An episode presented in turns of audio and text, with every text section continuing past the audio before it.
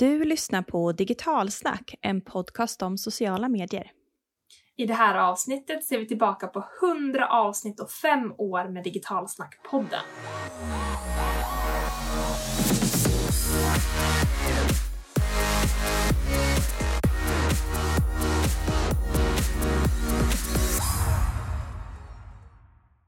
Varmt välkommen till det hundrade avsnittet av Digitalsnackpodden. Det har varit så häftiga fem år och det firar vi med ett lite annorlunda avsnitt. Ja men precis, i början av förra året så kunde vi räkna ut att eh, det hundrade avsnittet skulle komma i slutet av 2020 eller i början av 2021. Och då började vi ju fundera på hur vi skulle fira det här 100 avsnittet tillsammans med er. Och då skulle vi ju gjort ett härligt event där vi skulle bjuda in gäster vi haft under de här åren. Ni lyssnare skulle vara där. Och så kom corona. Ja. Och Ja, alltså det går inte riktigt kanske att jämföra att det här med att göra ett specialavsnitt endast kanske känns lite blekare variant av vår ursprungliga tanke. Men vi vill ändå hitta på någonting roligt och göra det bästa utav det. Så vi vill eh, bjussa på lite historier, härliga möten, pinsamma grejer vi har gjort under de här 99 avsnitten. Och vi kommer också ge er som är lite sugna på att starta en podd under 2021 lite tips på men hur man startar en podd och hur man gör en podd. Eftersom vi har gjort typ alla fel som man kunde ha gjort när man startade och skapade en podd. Så tänker vi att det sammanfattar vi till er så att ni slipper göra de misstagarna. Så eh, kompisar, håll till godo. Här kommer fem år och 99 poddavsnitt i ett komprimerat format på cirka en timme. Varsågoda!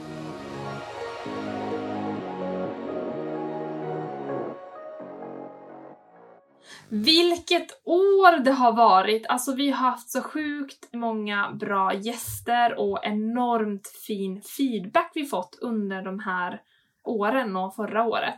Jag kommer fortfarande ihåg vår allra första gång som det kom fram en lyssnare till oss och frågade om hon fick ta en selfie med oss. Vilken feedback det var! Det var så coolt. Ja. Och att eh, man får komma hem och bara de tog selfies med oss. Oh. Och sen fick man liksom plocka hundskit på eftermiddagen. Det var liksom fame och sen ner eh, tillbaks till liksom vardagen. Precis. Ja, men sånt är livet som eh, kändispoddare. kan man kalla sig Ja, och vi är så himla tacksamma för alla fina ord vi har fått när vi är ute och varit ute och träffat er. Och uh, ni som delar liksom våran podcast era flöden, att ni lyssnar på något av vårat avsnitt, ni som tipsar vidare till andra i ert nätverk om vår podcast. Det är verkligen ni som får den här podden att rulla vidare år efter år.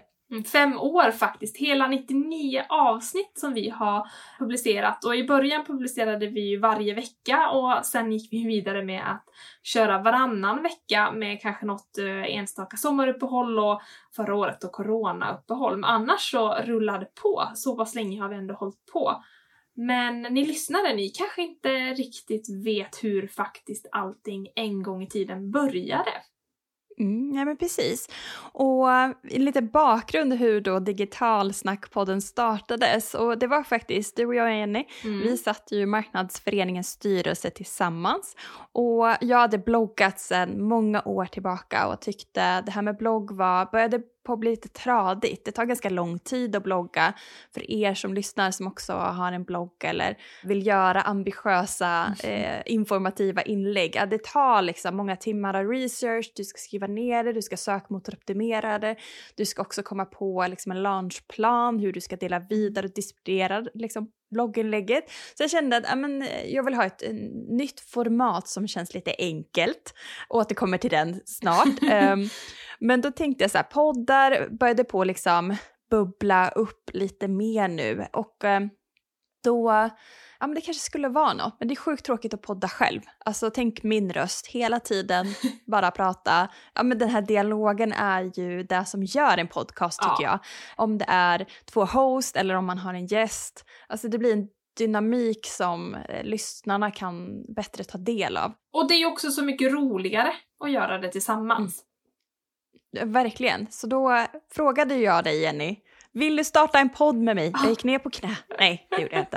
Uh, det kändes nästan så. Ja, det var en ära att bli tillfrågad och det var en självklarhet att hoppa på något sånt projekt också. Jätte, jättekul. Mm. Och vi tänkte ju kanske att vi bara skulle Ja men vi skulle bara starta en podd, eller hur? Ja precis, för det skulle ju bara vara ett litet hobby, ett sidohobbyprojekt egentligen från början, både för dig och mig, men men så är vi ju de personer vi är, väldigt ambitiösa i allting vi gör och hobbyprojektet växte, växte och blev lite mer ambitiöst än vad vi kanske i början hade tänkt. Så att ett tu tre så hade vi bokat fotosession och vi hade tagit fram liksom en grafisk profil och, och logga och hela kittet och gjorde det Webbplats. super ja. sociala medier. Ja, alltihopa för, för den här lilla podden som bara skulle göras eh, vid, vid sidan av. Så vi tog fram mm. ett helt koncept och det konceptet måste vi säga var ändå väldigt lyckat. Ja men precis och efter ett år så blev då podden Sveriges största inom sociala medier. Och det var ju så himla häftigt för vad ni lyssnade kanske inte visste var att podden som liksom startades i Karlstad, Värmland, Sverige var egentligen meningen att eh, liksom boosta värmlänningarna att börja liksom digitaliseras, därav namnet, att vi snackade om digitala saker, inte bara sociala medier i början, även om sociala medier var en jättestor del av podden redan mm. från start, så pratade vi lite blandat om det. Men när vi kollade statistiken månad efter månad, avsnitt efter avsnitt, så såg vi fan, värmlänningarna är inte redo för det här. Men resten av Sverige var, vilket vi är tacksamma för. Och då liksom ändrade vi vinkel, så efter ett år så startades ju då Digitalsnack social mediebyrå. Dels för att ja, men, varumärket Digitalsnack hade börjat etablerats på allvar runt om i hela Sverige. Det var liksom Jenny på Digitalsnack, Cecilia på Digitalsnack, vi hade redan grafisk profil, vi hade en webbplats och egentligen så här, varför göra om det som vi redan hade jobbat med under året? Ja, vi hade redan byggt ett jättestort varumärke mm. och det är ju en, det är tufft att bygga varumärken. Mm. Och det är egentligen storyn bakom hur den här podden startades och också lite varför byrån startades året efter och det var ju för att vi fick ju så många förfrågningar att också ta podden ut till er att föreläsa om eh, sociala medier, våra kunskap inom sociala medier och trender och vad det nu kan vara. Så att vi blev en förlängd arm då och ville mer hands-on också hjälpa företag, organisationer, kommuner att lyckas med sociala medier och inte bara i poddform, även om den här resan har varit helt eh, galen och som vi ska prata om mm. just i den här podden. Och i maj så blir det ju faktiskt fem år sedan ungefär vi startade podden. Minns du första avsnittet?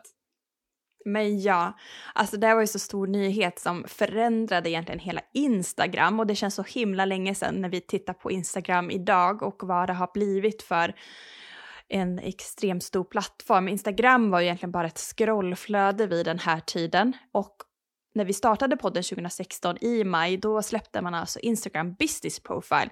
Och det var första gången företag kunde skapa en företagsprofil på Instagram. Alltså det var så stort så ni fattar inte. Det var det vi pratade om i vår första podcast. Det är ju, alltså gud vad mycket det har hänt sedan dess. Eh, det är då mm. det började hända grejer på Instagram också mycket mm. mer. Och, och, efter det avsnittet, för i början pratade vi ju som sagt inte bara om sociala medier under första året, utan den vinklingen kanske kom under andra året. Efter det så kom ju ett avsnitt om VR och Oculus Rift som ja, Facebook precis. köpte upp. Och den delen kanske var inte jättemycket om sociala medier även om vi nämnde det också.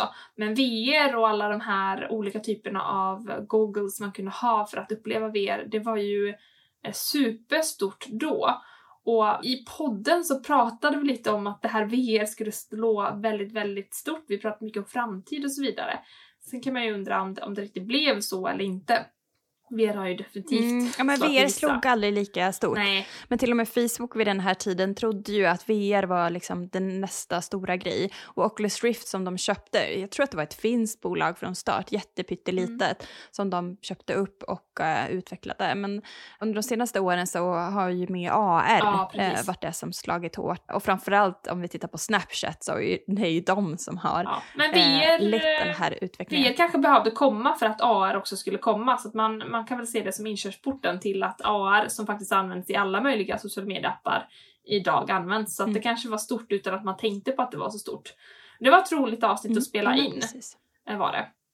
Ja, eh, jag minns dock att, eh, ja precis, för vi spelade in podden på en byrå som satt väldigt nära, alltså precis vid järnvägen. Och vid ett tillfälle så bromsade ett godståg Ja, in, alltså det. super länge och jättehögt. Ja, det var var så så här gnissel. Ja. Alltså, ja, och ännu längre Ja. eh, och ännu högre. Ja, den och den. Och på den tiden var det ju jag som dessutom redigerade ljudet eftersom det var första. Jag hade ingen aning om hur man ens försöker att ta bort något sånt. Det var intressant. Och dessutom så var det kanske inte det bästa rummet heller. Det ekade jättemycket. Och det här kanske säger någonting om hur våra avsnitt i början var. Ljudet var inte alltid det bästa. Jag tror det gick ganska snabbt ändå tills vi började få lite häng på det. Men de allra, allra första avsnitten har inte det bästa ljudet. Nej, precis. Och vi visste inte vad filstorlek och lite det här som jag sa innan. Starta podd är ju så enkelt. Det är ju bara att prata. Ja, herregud. Det finns ju så många lärdomar som vi kan faktiskt dela med oss av. För poddar växer ju extremt kraftigt. Det såg vi i eh, Svenskarna och internet-rapporten som kom under november förra året som visar en, en, en supertillväxt på poddar. Ja. Så vi kanske kan dra några liksom, exempel eller eh, kanske med lite statistik hur det ser Oh. ut med poddandet. Varför man kanske ska starta en podcast under det här året. Sånt gillar vi ju. Och det här är ju eh, alltså superintressant. Som du säger så växte det ju sjukt mycket under det senaste året och kanske mycket just på grund av pandemin också att folk vill ta till andra digitala medier för att göra det ena eller det andra. Och lyssnare på antalet eh, Antalet lyssnare varje vecka som lyssnade på podd ökade faktiskt med 5 procentenheter från 2019 till Q3 2020, vilket är väldigt mycket. Och kollar man på det totala lyssnarantalet som någon gång lyssnar på podd så ökade det med 13 procentenheter. Och senast vi såg en så här gigantisk siffra var faktiskt från 2016 till 2017, alltså under det året som vi, vi startade våran podd. Så det, det är ju rätt länge sedan, så att nu är det Ah. en ny eh, sån boost som det var under den tiden vi startade vår podd. Däremellan har inte ökningen, den har varit bara några procentenheter. Så att det är en jättestor skillnad i år faktiskt på hur många som lyssnar på podd. Ja men precis, det som är nyfiken också är så här, traditionell radio versus podd, hur ligger man till där? Ja, traditionell radio har däremot inte haft det lika bra. De gick ner med 12 procentenheter under samma period. Och så kanske man tänker, ah ja, men folk har lyssnat mindre på traditionell radio och kanske gått över till digital radio. Men så är inte fallet, för digital radio har inte ökat fast traditionell radio har minskat. Så att mycket av lyssnandet har säkert gått över till poddar. Så att det är fler som lyssnar på poddar än digital radio i dagsläget. Det är ju verkligen otroligt roligt att vi ser att det är så många som eh, ja, men diggar poddar. Och det kanske är därför att man ska starta, att ni som lyssnar ska starta en podd under det här året. Och eh, några andra lärdomar är, som jag sa innan, att ha en podd är mycket mer komplext än vad jag trodde. Och det är framförallt så här, tekniska komplexiteter som jag inte tänkte kanske på. För att vad jag tänkte på var ju den här delen, alltså när vi, du och jag pratar Ja. med varandra och det gör ju vi ofta och det har ju funkat ganska bra. Och sen ska man göra det i ett poddformat där du pratar, jag pratar och så ska vi ha någon sorts röd tråd. Vi ska komma till sak ganska fort, inte svamla ut, vi får inte använda ä. Ja, och det är ju mycket jobb. Det är väl ganska liten del egentligen den här dialogen är av allt arbete med podden om man ser i helhet. Ja, och efter det så ska den klippas. Och inte bara det, den ska ha ett schysst ljud. För lanserar man en podd som inte har bra ljud, så vem vill lyssna då?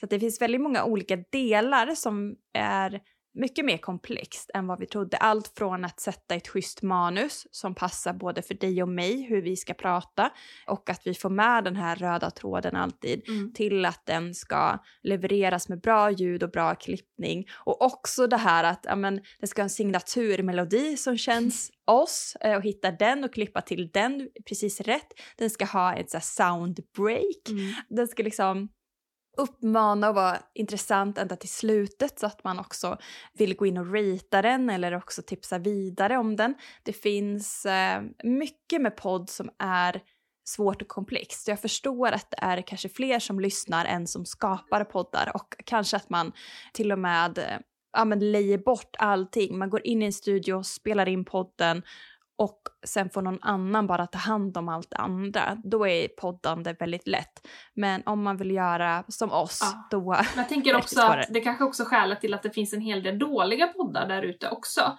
För att folk tycker det är en rolig idé och så ger man sig i kast på någonting. Men man kanske inte tänker så mycket på den röda tråden utan det blir sådana här poddar man inte riktigt vet varför man ska lyssna på dem. Eller poddar som har jättebra ämnen men dåligt ljud. För ljudet är ju mm. superviktigt. Även om ämnet är intressant så orkar inte folk lyssna om ljudet är kast. Ja men precis. Och vi gjorde ju ganska mycket research, eller framförallt du, för det här med utrustning, vad man skulle ha. Idag ser man, min man brukar vara så här, herregud, de använder en iPhone. När de ser nu när folk gör intervjuer på tv ja. eller när de spelar in sig själva framför Vita huset med en egen intervju och skickar in till sin, liksom. Men 2016 så var det faktiskt eh, inte lika vanligt att man använde ja, men så normala typ mobiltelefoner mm. eller vad det kan vara för att spela in så korta snuttar och ljud. Så att vi gjorde ju sån super research för att eh, ja. vilken utrustning ska vi ha som också är smidig att ta med. Och sen vet jag inte, det känns som att du lyfter mig så väldigt högt för att jag är verkligen ingen så ljudtekniker eller liknande så jag gick på lite YouTube-listor och försökte så här eller YouTube-klipp och kollade lite vad som var, var viktigt. Det enda jag visste att det var viktigt att vara, ha ett bra ljud. Och eh, datorljud Eftersom de tydligen inte har ett, alltså ljudkortet kanske inte klarar av att, om jag har förstått det rätt då, ni alla där som är proffs på det här kommer ju att jag är verkligen inte kunnig. Men, men att eh, ljudkortet hanterar inte ljud riktigt på samma sätt om man använder just en dator eller mobil. Och när man har podd eh, avsnitt så vill man ju att det är den här radiokänslan lite så att det är väldigt mjukt och icke störande ljud att lyssna på för att man ska orka lyssna. Så att vi landade ganska snabbt i att det lät enklast och inte så här jätte, jättedyrt ändå att satsa på en typ av manik som man kan spela in ljud där man kopplar in mikrofoner i. Och jag tänkte vi kunde tipsa också vad vi använder för utrustning till er som kanske är mm. sugna på att eh, skapa en podd. Sen finns det säkert mycket annat där, men det är ändå det här vi har kommit fram till och har funkat bra för oss. Och vi kör en eh, sån här ljudinspelare som är av märket Tascam.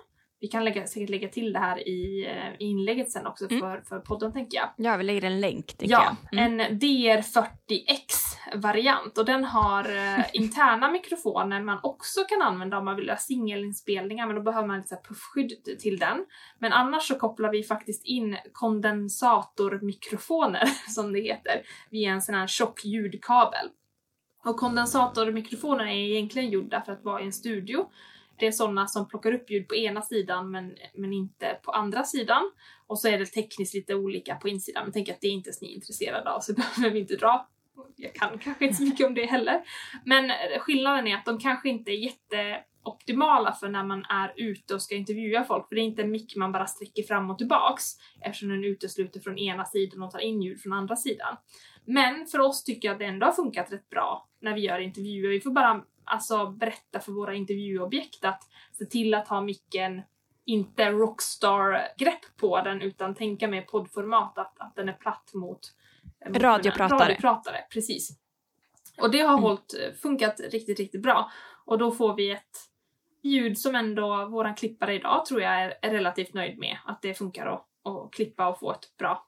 Och, eller vad tycker ni? Tycker ni ljudet är okej på våran podd? Så har vi gjort vårt jobb tänker jag.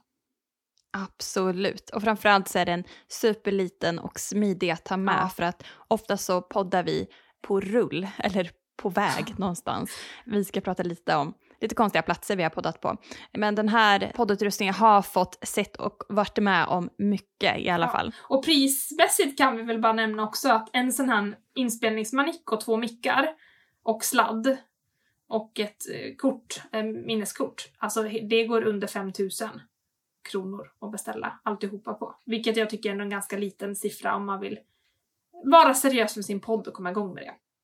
Mm.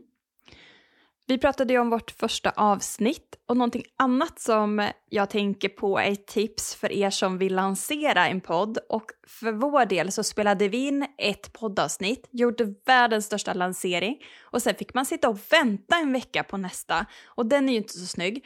För i dagsläget när vi tipsar folk om att eh, bygga upp sina sociala medieprofiler och framförallt då typ på Instagram är ju att när man lanserar någonting då ska det finnas en feed. Så att man också kan ta del av mer material, mer innehåll så att man också redan då kan bli liksom fast i, i podden och veta varför man ska fortsätta att lyssna. Mm. Så det är ett tips att uh, spela in fler avsnitt, i alla fall minst tre stycken så att det finns att lyssna på till kommande vecka. För vi märker ju att ju fler åren går ju mer inlägg finns det, det finns ju hundra avsnitt av nu Digitalsnackpodden att lyssna på.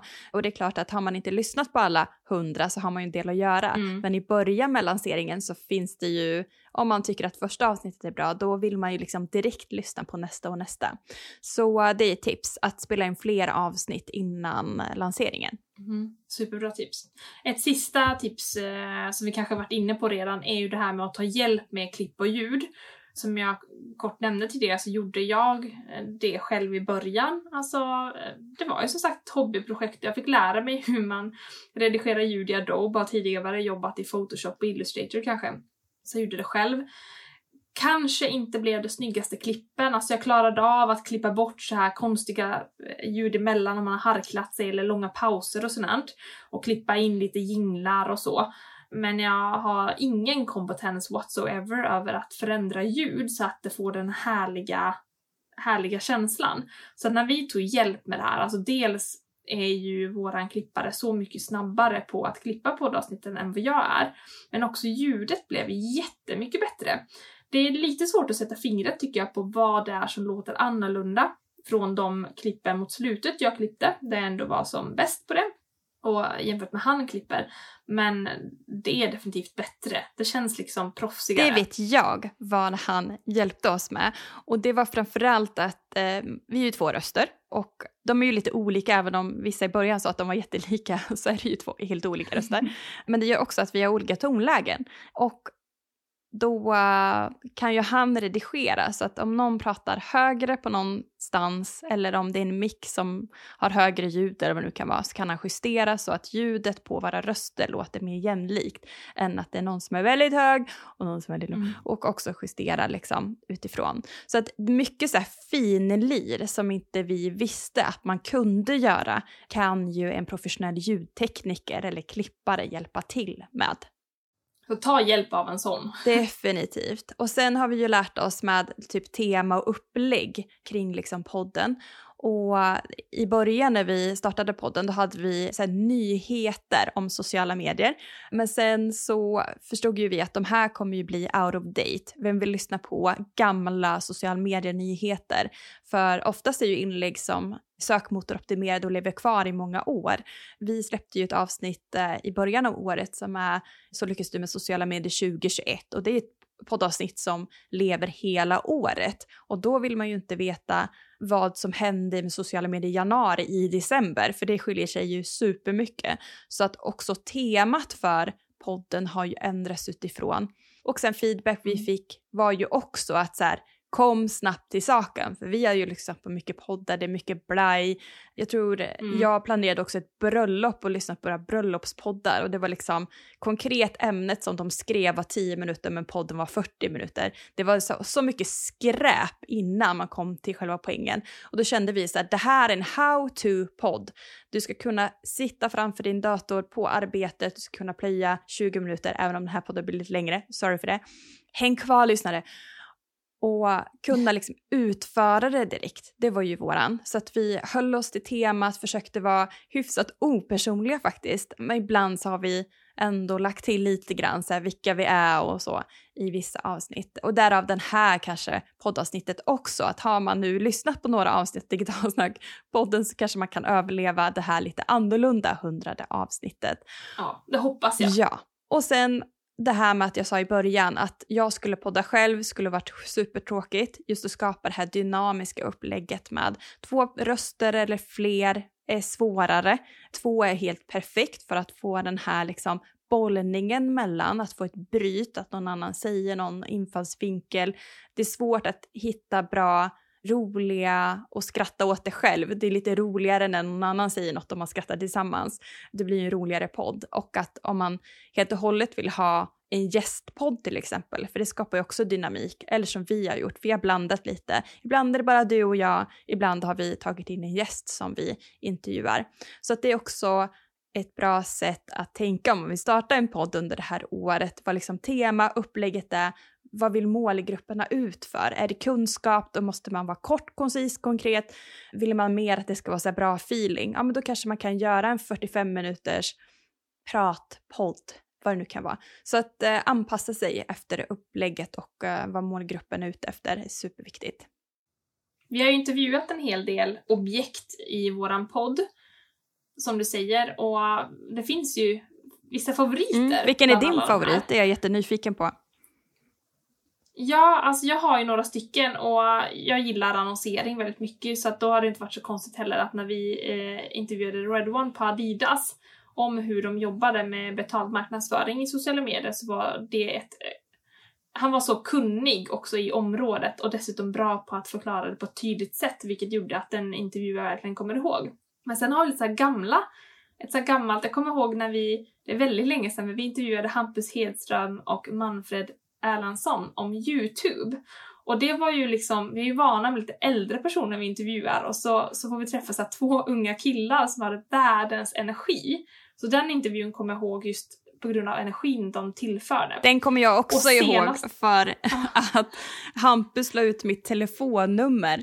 För vi hade smsat ja, och han la ut mitt telefonnummer på sin YouTube-kanal. Så helt plötsligt så fick jag typ 45 sms om typ såhär, vem är du, hur känner du Hampus, är du Hampus flickvän?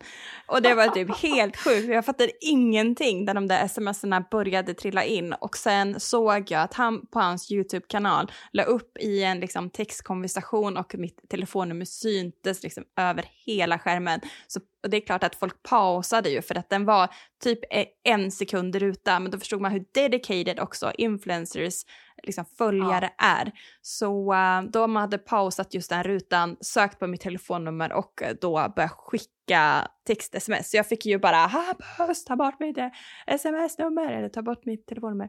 Så, uh, så minns jag den. det var en rolig, rolig. Ja. ja, den hade jag glömt bort men nu kommer jag ihåg den. Ja, shit, mycket händer. Sen tycker jag faktiskt att det absolut senaste avsnittet vi har eh, släppt, det här med Badfluence, där vi intervjuade Jasmin Winberg och Julia Lundin från Resumé. Vi pratade om baksidan kan man säga om, om att använda sig av influencers och influencerskap. Och den tyckte jag var så superintressant och så läglig att ta upp också.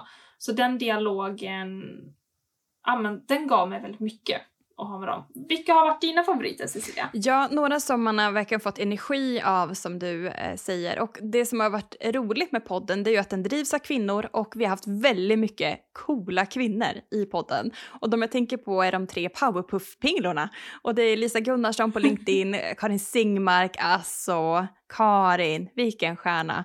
Love her. Ja. Vi ska kramas när det här är, när corona är över. Och Frida Boysen, tre stycken så här super coola queens som eh, verkligen tar för sig och som inspirerar andra kvinnor som vi har fått ha med i podden. Och några andra som har gett mig personligen jättemycket, det var en, eh, intervjun med Maria Nemi när då eh, vi pratade om hur man ska kommunicera i sina kanaler under pandemin.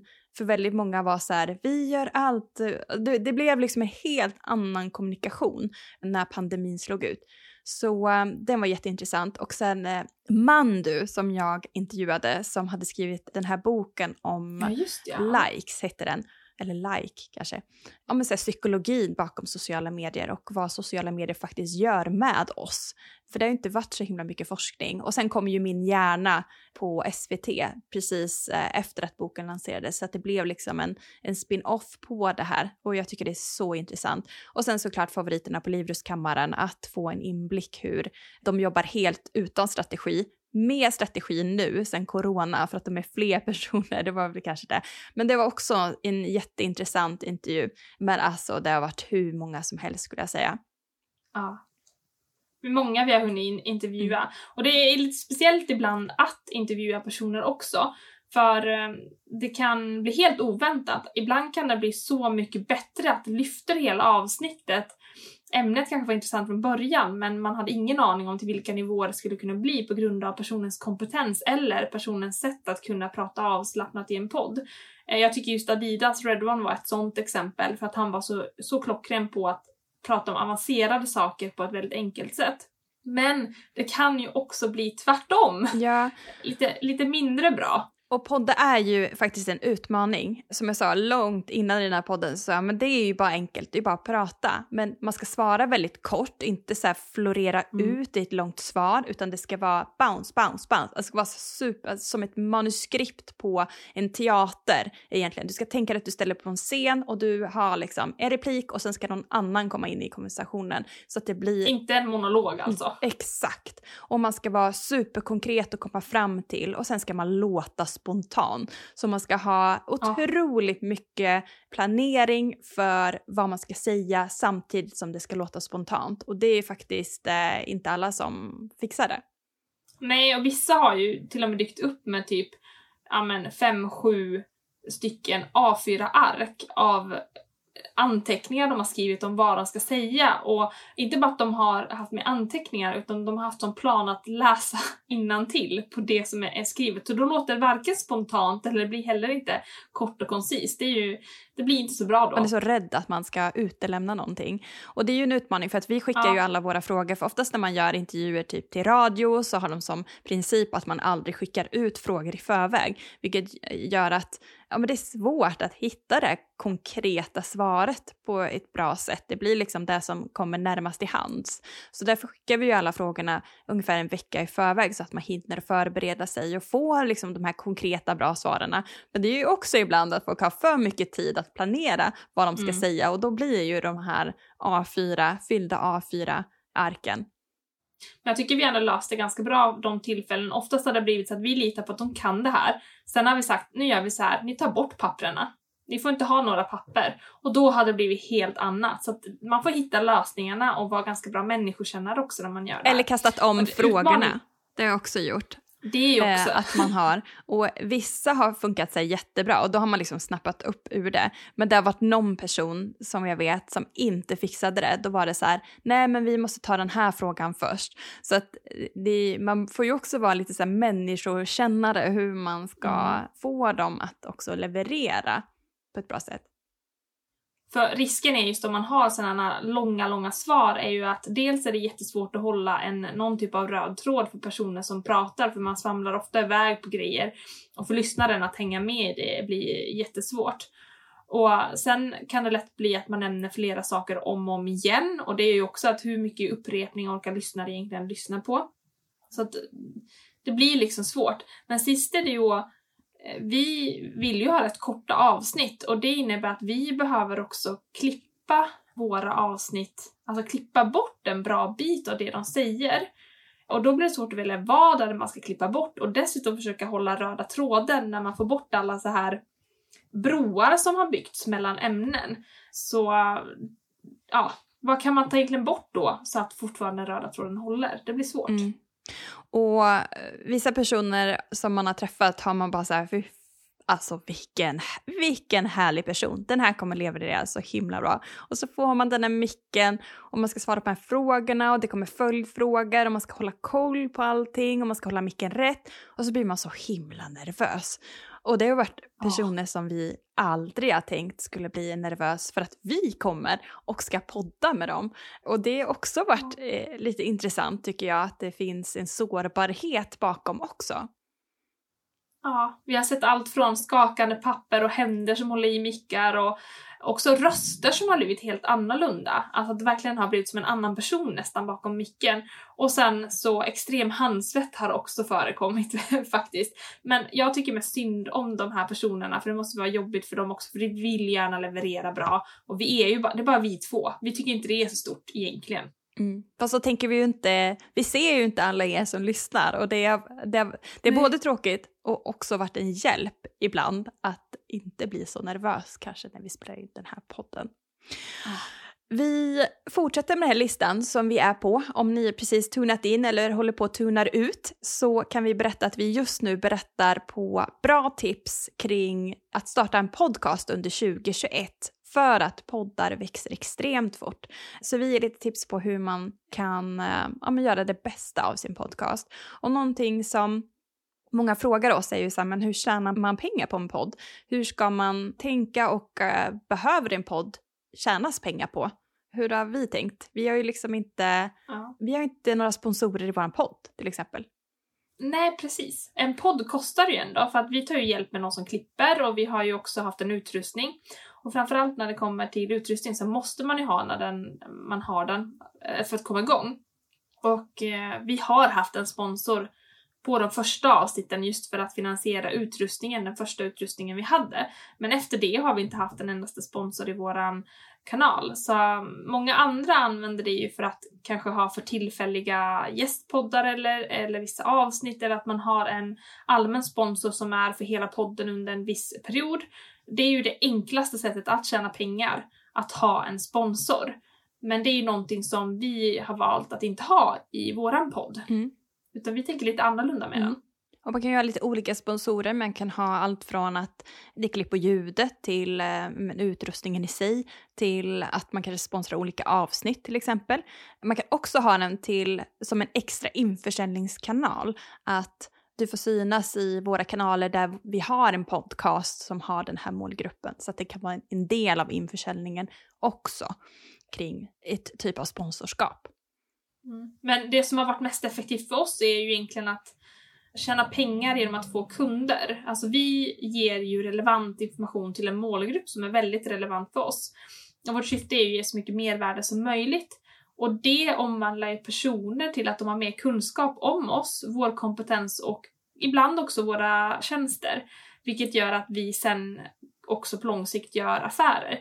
För med podden så får vi ju möjligheten att synas kontinuerligt i folks flöden på ett positivt sätt. Det känns inte reklamigt, det känns inte spammigt för vi bjuder på gratis mervärde. Men vi får helt enkelt vara där och då ligger vi också top of mind som en social mediebyrå. Så det är den vägen som vi känner att vi får ut något värde av att göra det här arbetet gratis. Mm.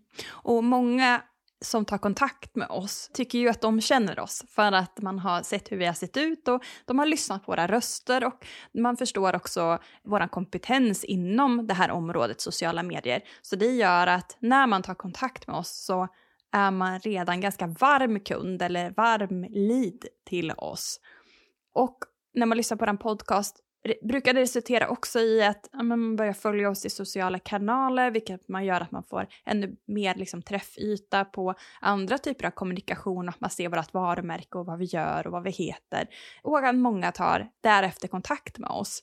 Och de, de känner ju oss redan, för de hänger med oss på massa olika plattformar. Och man får se att starta den här podden och att driva podden är ett jättelångsiktigt, som all marknadsföring, för den här är ju helt organisk. Vi är ju inga superkändisar som har flera miljoner följare på våra konton. Så att den här podden har ju växt helt organiskt och jag tror att det är många som lyssnar som har exakt samma förutsättningar som vi har. Så um, mm. att se det som ett väldigt långsiktigt projekt som sakteligen liksom växer med tiden. Så du som lyssnar, om du känner att du faktiskt känner oss och tycker om oss och gillar den här podden, någonting du kan göra för oss som vi skulle bli supertacksamma över och känna så extra glädje över att, att sprida det här vidare i dina kanaler. Och det behöver inte vara att tipsa om att vi som byrå kan hjälpa folk med tjänster utan tipsa om podden i era kanaler till personer ni tror den skulle kunna vara nytta av. Vi gör ju som sagt den här podden helt eh, gratis. Det enda, eh, eller ja, vi betalar ju en del men, men vi tar inte betalt av någon. vi lägger vår tid och sen så behöver vi ju stå för utrustning och betala för klipp och ljud. Och för att kunna fortsätta med det behöver vi också få in andra uppdrag. För vi driver ju ändå en affärsverksamhet. Och det kan du hjälpa till med genom att sprida våran podd. Så det skulle ju såklart vara jättesnällt och gulligt om ni lyssnar ja. på det här poddavsnittet eller något annat. Att följ oss i sociala medier om du inte redan gör det. Sprid våran podd, tipsa någon annan. För om du gillar podden och brukar lyssna så vore det jättesnällt med den här gentjänsten. Så skickar vi massa kärlek tillbaka.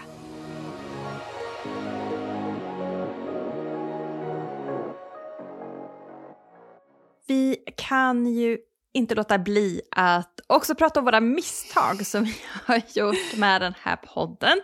Både små och jättestora. Och något som kanske var det absolut första misstaget som skedde till och med redan innan det första podcastavsnittet skulle släppas och kanske var också en liten brytpunkt till att det kanske inte hade blivit någon podd alls. Och du kanske minns vad som Nej, hände? Nej, jag gör faktiskt inte det. Är det sant? Ja, kanske om du berättar. Okay. Vad, vad, vad, ja, berätta. Nu blev jag nervös. Som vi har berättat tidigare i podden så var ju Jenny den som tog på sig ansvaret att klippa den här podden. Och det här för att eh, jag då, Cecilia, har ett jättebra tålamod tills det blir så här pilligt och jobbigt och inte riktigt går som jag vill. Då får jag paniken. Så att jag skulle sitta och pilla i ett klippsystem skulle bara bli kaos. Så därför har Jenny av oss lite mer liksom lugnare eh, närvaro i oh, liksom tålamods. Så Jenny fick stora uppdraget att då klippa podden och när den här skulle klippas och det var ganska tajt in på att vi skulle lansera också podcasten så det var inte så att vi hade jättemycket tid, att vi så kunde vänta en, en vecka till att få ihop det. Så när du hade lagt upp alla filerna och allting och skulle då ta ut filen så raderades hela allt och du fick börja om från början. Och jag minns att du skrev till mig sent på kvällen, typ dagen innan vi skulle släppa första avsnittet och bara allt raderades. Jag får göra om allt från början.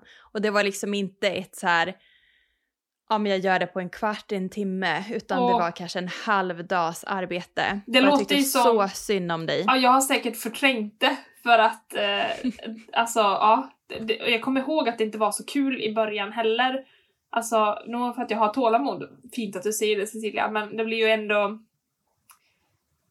det kryper lite i benen när man gör sånt och när det inte vill som det ska och när man inte kan alla funktioner och, och så vidare. Gud, jag måste ha typ varit jätte ja, eh, den kan inte ha varit rolig. Och det har väl hänt andra gånger då att vi inte har fått med riktigt material. Ja, och det ger ju också nästan lite samma känsla när allting typ raderas och allt jobb man har gjort med att spela in podden bara liksom är eh, inte finns när man sätter i liksom, kortet i datorn ska ladda över och filen är helt tom. För ja. ibland har det funnits en fil fast den har varit helt tyst ibland så har inte podden alls spelats in. Visst har det hänt en gång sådär att det, det såg ut som att allting funkar, men sen av något skäl så var filen helt tom. Så att vi, mm. vi kunde inte veta i förväg. Som tur var var det inte någon intervju utan det var när du och jag hade kört för då kunde vi bara ta om det. Men jag vet fortfarande inte vad som hände den gången. Mm. Hoppas det inte händer igen. Nej men precis. Ja. Och batterier sa du va? Och minneskort och sånt. Det påverkar ju ganska mycket. Batterier som tar slut mitt i intervjun. Det misstaget har vi inte gjort om så många gånger i alla fall. Men man lär ju sig att ta med sig batterier men första gången det händer, det är ganska pinsamt och så får intervjuobjektet fråga en assistent efter nya batterier för att vi inte har med oss extra batterier för att göra en intervju. Den är ju inte så rolig men man gör den bara en gång, tänker jag.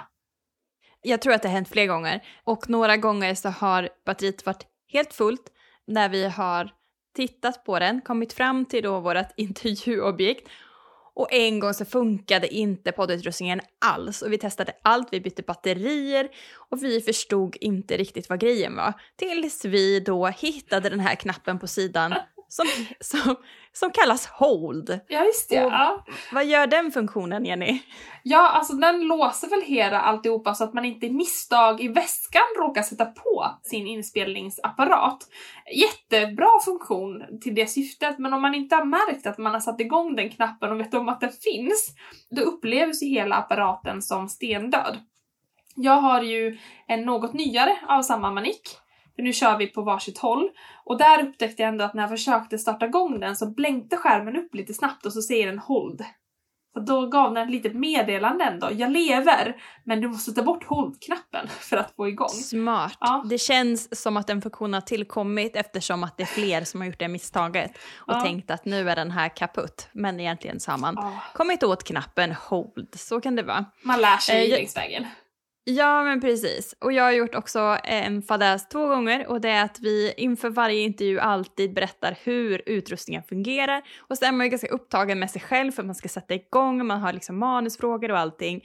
Och när jag var i Oslo och då skulle intervjua Europas största Snapchat creator så ser jag efter en ganska lång stund att han har micken åt fel håll.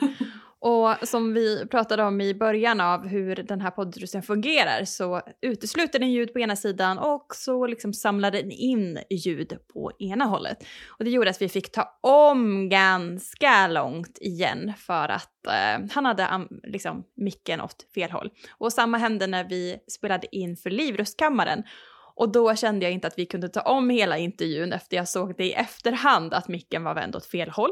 Så då fick jag chansa att den faktiskt fick med något ljud. Och som tur var så var det ändå ljud som kom med och vår ljudkille kunde då reglera ljudnivån så att det ändå kom ut i en podd. Så att eh, återigen, det här jävla ljudet. Och eh, se till att ha någon eh, alltså, som är kompetent att hjälpa till med sån här, för då kan de rädda sådana här situationer som man annars kanske inte kan fungera. Sen tänker jag på ett så här, ytterligare misstag som, eller misstag och misstag, men det här med location är inte alltid så lätt. Speciellt när man ska göra intervjuer. Att försöka hitta tysta allmänna lokaler, även om man kommer till jobbet hos folk så är inte kontorslokaler alltid de minst ekiga, utan de är ganska Ja, de är inte så här optimala, men ibland hamnar det på att vi har behövt verkligen vara i offentliga lokaler som hotellobbys, eh, kaféer eller liknande. Och man kanske hittar där, men här är det ju knäpptyst. Men sen så ska de börja sätta fram lunch eller någonting, så börjar man mitt i, så hör man hur det börjar skramlas med bestick eller liknande. Och jag tror ett av de senaste gången var det också någon person som kom in och började prata telefon jättehögt så här, super, mycket högre än vad man brukar göra. Att man undrar också, ville han att alla skulle höra samtalet eller inte? Och sen har vi den där gången där vi hade tänkt spela in podd högst uppe i kaffeskrapan i Karlstad efter att vi har haft ett event där. Men så insåg vi att hela byggnaden vibrerade ju lite och det kom ju in ljudmässigt. Så det slutade med att jag fick ta intervjun på intervjugästens hotellrum istället. Det blev ju mysigt. Eh, så tur är så kände vi ändå henne någorlunda väl. Ja men precis, Ja. det var Linda Högfeldt Ja. som bjöd in dig på rummet så att säga. Det var Ja, en, det en mysig timme det, hon och jag och podden. Mm. Och en gång har vi ju poddat i en skrubb. När vi var på Cure Media så hamnade vi i det minsta rummet jag någonsin sett för vuxna människor. Där det också var uppstaplat massa liksom, influencer-kampanjprodukter bland oss. Och där stod vi och tryckte oss. Jag tror vi var fyra pers i där Ja, lilla jag har för mig skrubben. att vi var fyra, fyra också. Men då ekade det åtminstone inte. Nej men precis. Så det var ju fördel. Och en annan väldigt bra plats faktiskt, och vi, vi- jag vet inte hur många poddar vi har spelat in i någons bil. Ja, Och det är ju också ett bra tips om man inte har en poddstudio, så är bilen ett fantastiskt eh, komplement att gå ut och liksom sitta och podda i en bil. Och, men ha den gärna i, i garaget eller någon tyst plats så att det inte låter att det inte går grävmaskiner typ på utsidan då. Ja, men det är sant. Ja. Eh, och en gång så har vi ju poddat i din bil i Norrköping, i en liten backe. Och efteråt så fick jag ju veta att den här backen kallades för Klittan. Så att, eh, att vi har poddat i Klittan är ju en av de finaste platserna, tror jag, som vi någonsin poddat på. Det skulle jag nog säga. Och då tänker jag, alltså finne måste min favorit vara bastun. Fast det var jäkligt obekvämt, kommer du ihåg? Alltså, rumpan, det blev träsmak ganska snabbt när man satt där och försökte ha en laptop i knät och en mick i handen. Och, men det var väldigt, vi var ute efter en liten, ett litet tyst uh, utrymme på ett kontorskooperativ och de hade en liten bastu. Så det var ju bästa läget där men kanske inte det bekvämaste sådär. Så det, det har vi också gjort. Ja, uh, fantastiskt. Det finns ju även en hel del bloopers, men de kommer ju aldrig med för de klipper vi ju bort. Jag är, jätteduktig på att fastna på namn ibland. Alltså, det kan vara superenkla namn, men har jag sagt det fel en gång så bara följer felet med på något sätt. Då blir det bara som på repeat. Mm. Eller typ, kommer du ihåg den här gången när vi var på hotellrum och vi, alltså jag vet inte, du, både vi två, jag tror var vi, vi var så trötta så att vi vi bara gapflabbade igenom, och det tog säkert en halvtimme med gråtarna sprutandes ur ögonen innan vi kunde faktiskt spela in någonting seriöst. Det var roligt men ja, mm. jag, sånt händer också. Och jag håller med om det där namnet. Jag minns när vi skulle intervjua Natalie på Idol of Sweden oh. och det var så här, i hela mitt liv så har man sagt ordet Natalie. Natalie, oh. det är så man säger det namnet. Men hon heter Natalie. Ja. Och det var det sjukaste, det gick inte. Så jag fick hoppa över det, så man hör i intervjun att jag inte kan säga det. För, ja men det gick inte. Nu kan jag säga det, men, ja, men det gick inte. Och en gång kanske, jag minns faktiskt inte vilket avsnitt det är så det kan jag inte säga så att ni kan lyssna på efterhand. Men om det låter som att vi är extra glada och sluddriga någon gång så är det för att vi en gång poddade full-line. För vi missade att spela in ett intro eller ett outro och hade druckit massa vin och kom på det här att attans, vi har ju inte gjort färdigt den här podden och vi måste skicka in den här för klippning. Och fick då efter några glas vin skärpa till oss verkligen för att det var liksom inte kanske ett glas och uh, spela in den här korta snutten. Oh. Så det finns också. Det, det var tider det. Det, det var, var tider det. Tider det.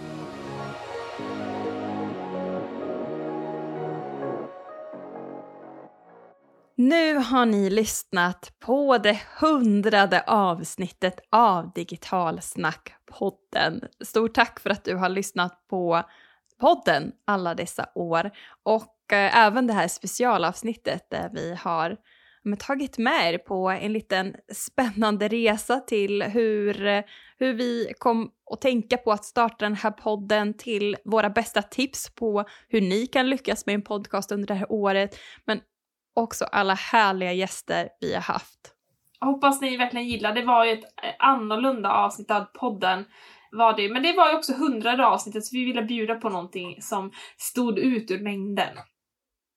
Och glöm inte nu efter det här avsnittet att ratea oss, att börja följa oss och dela våran podd i dina kanaler så vi kan fortsätta skapa den här podden nu och så i framtiden.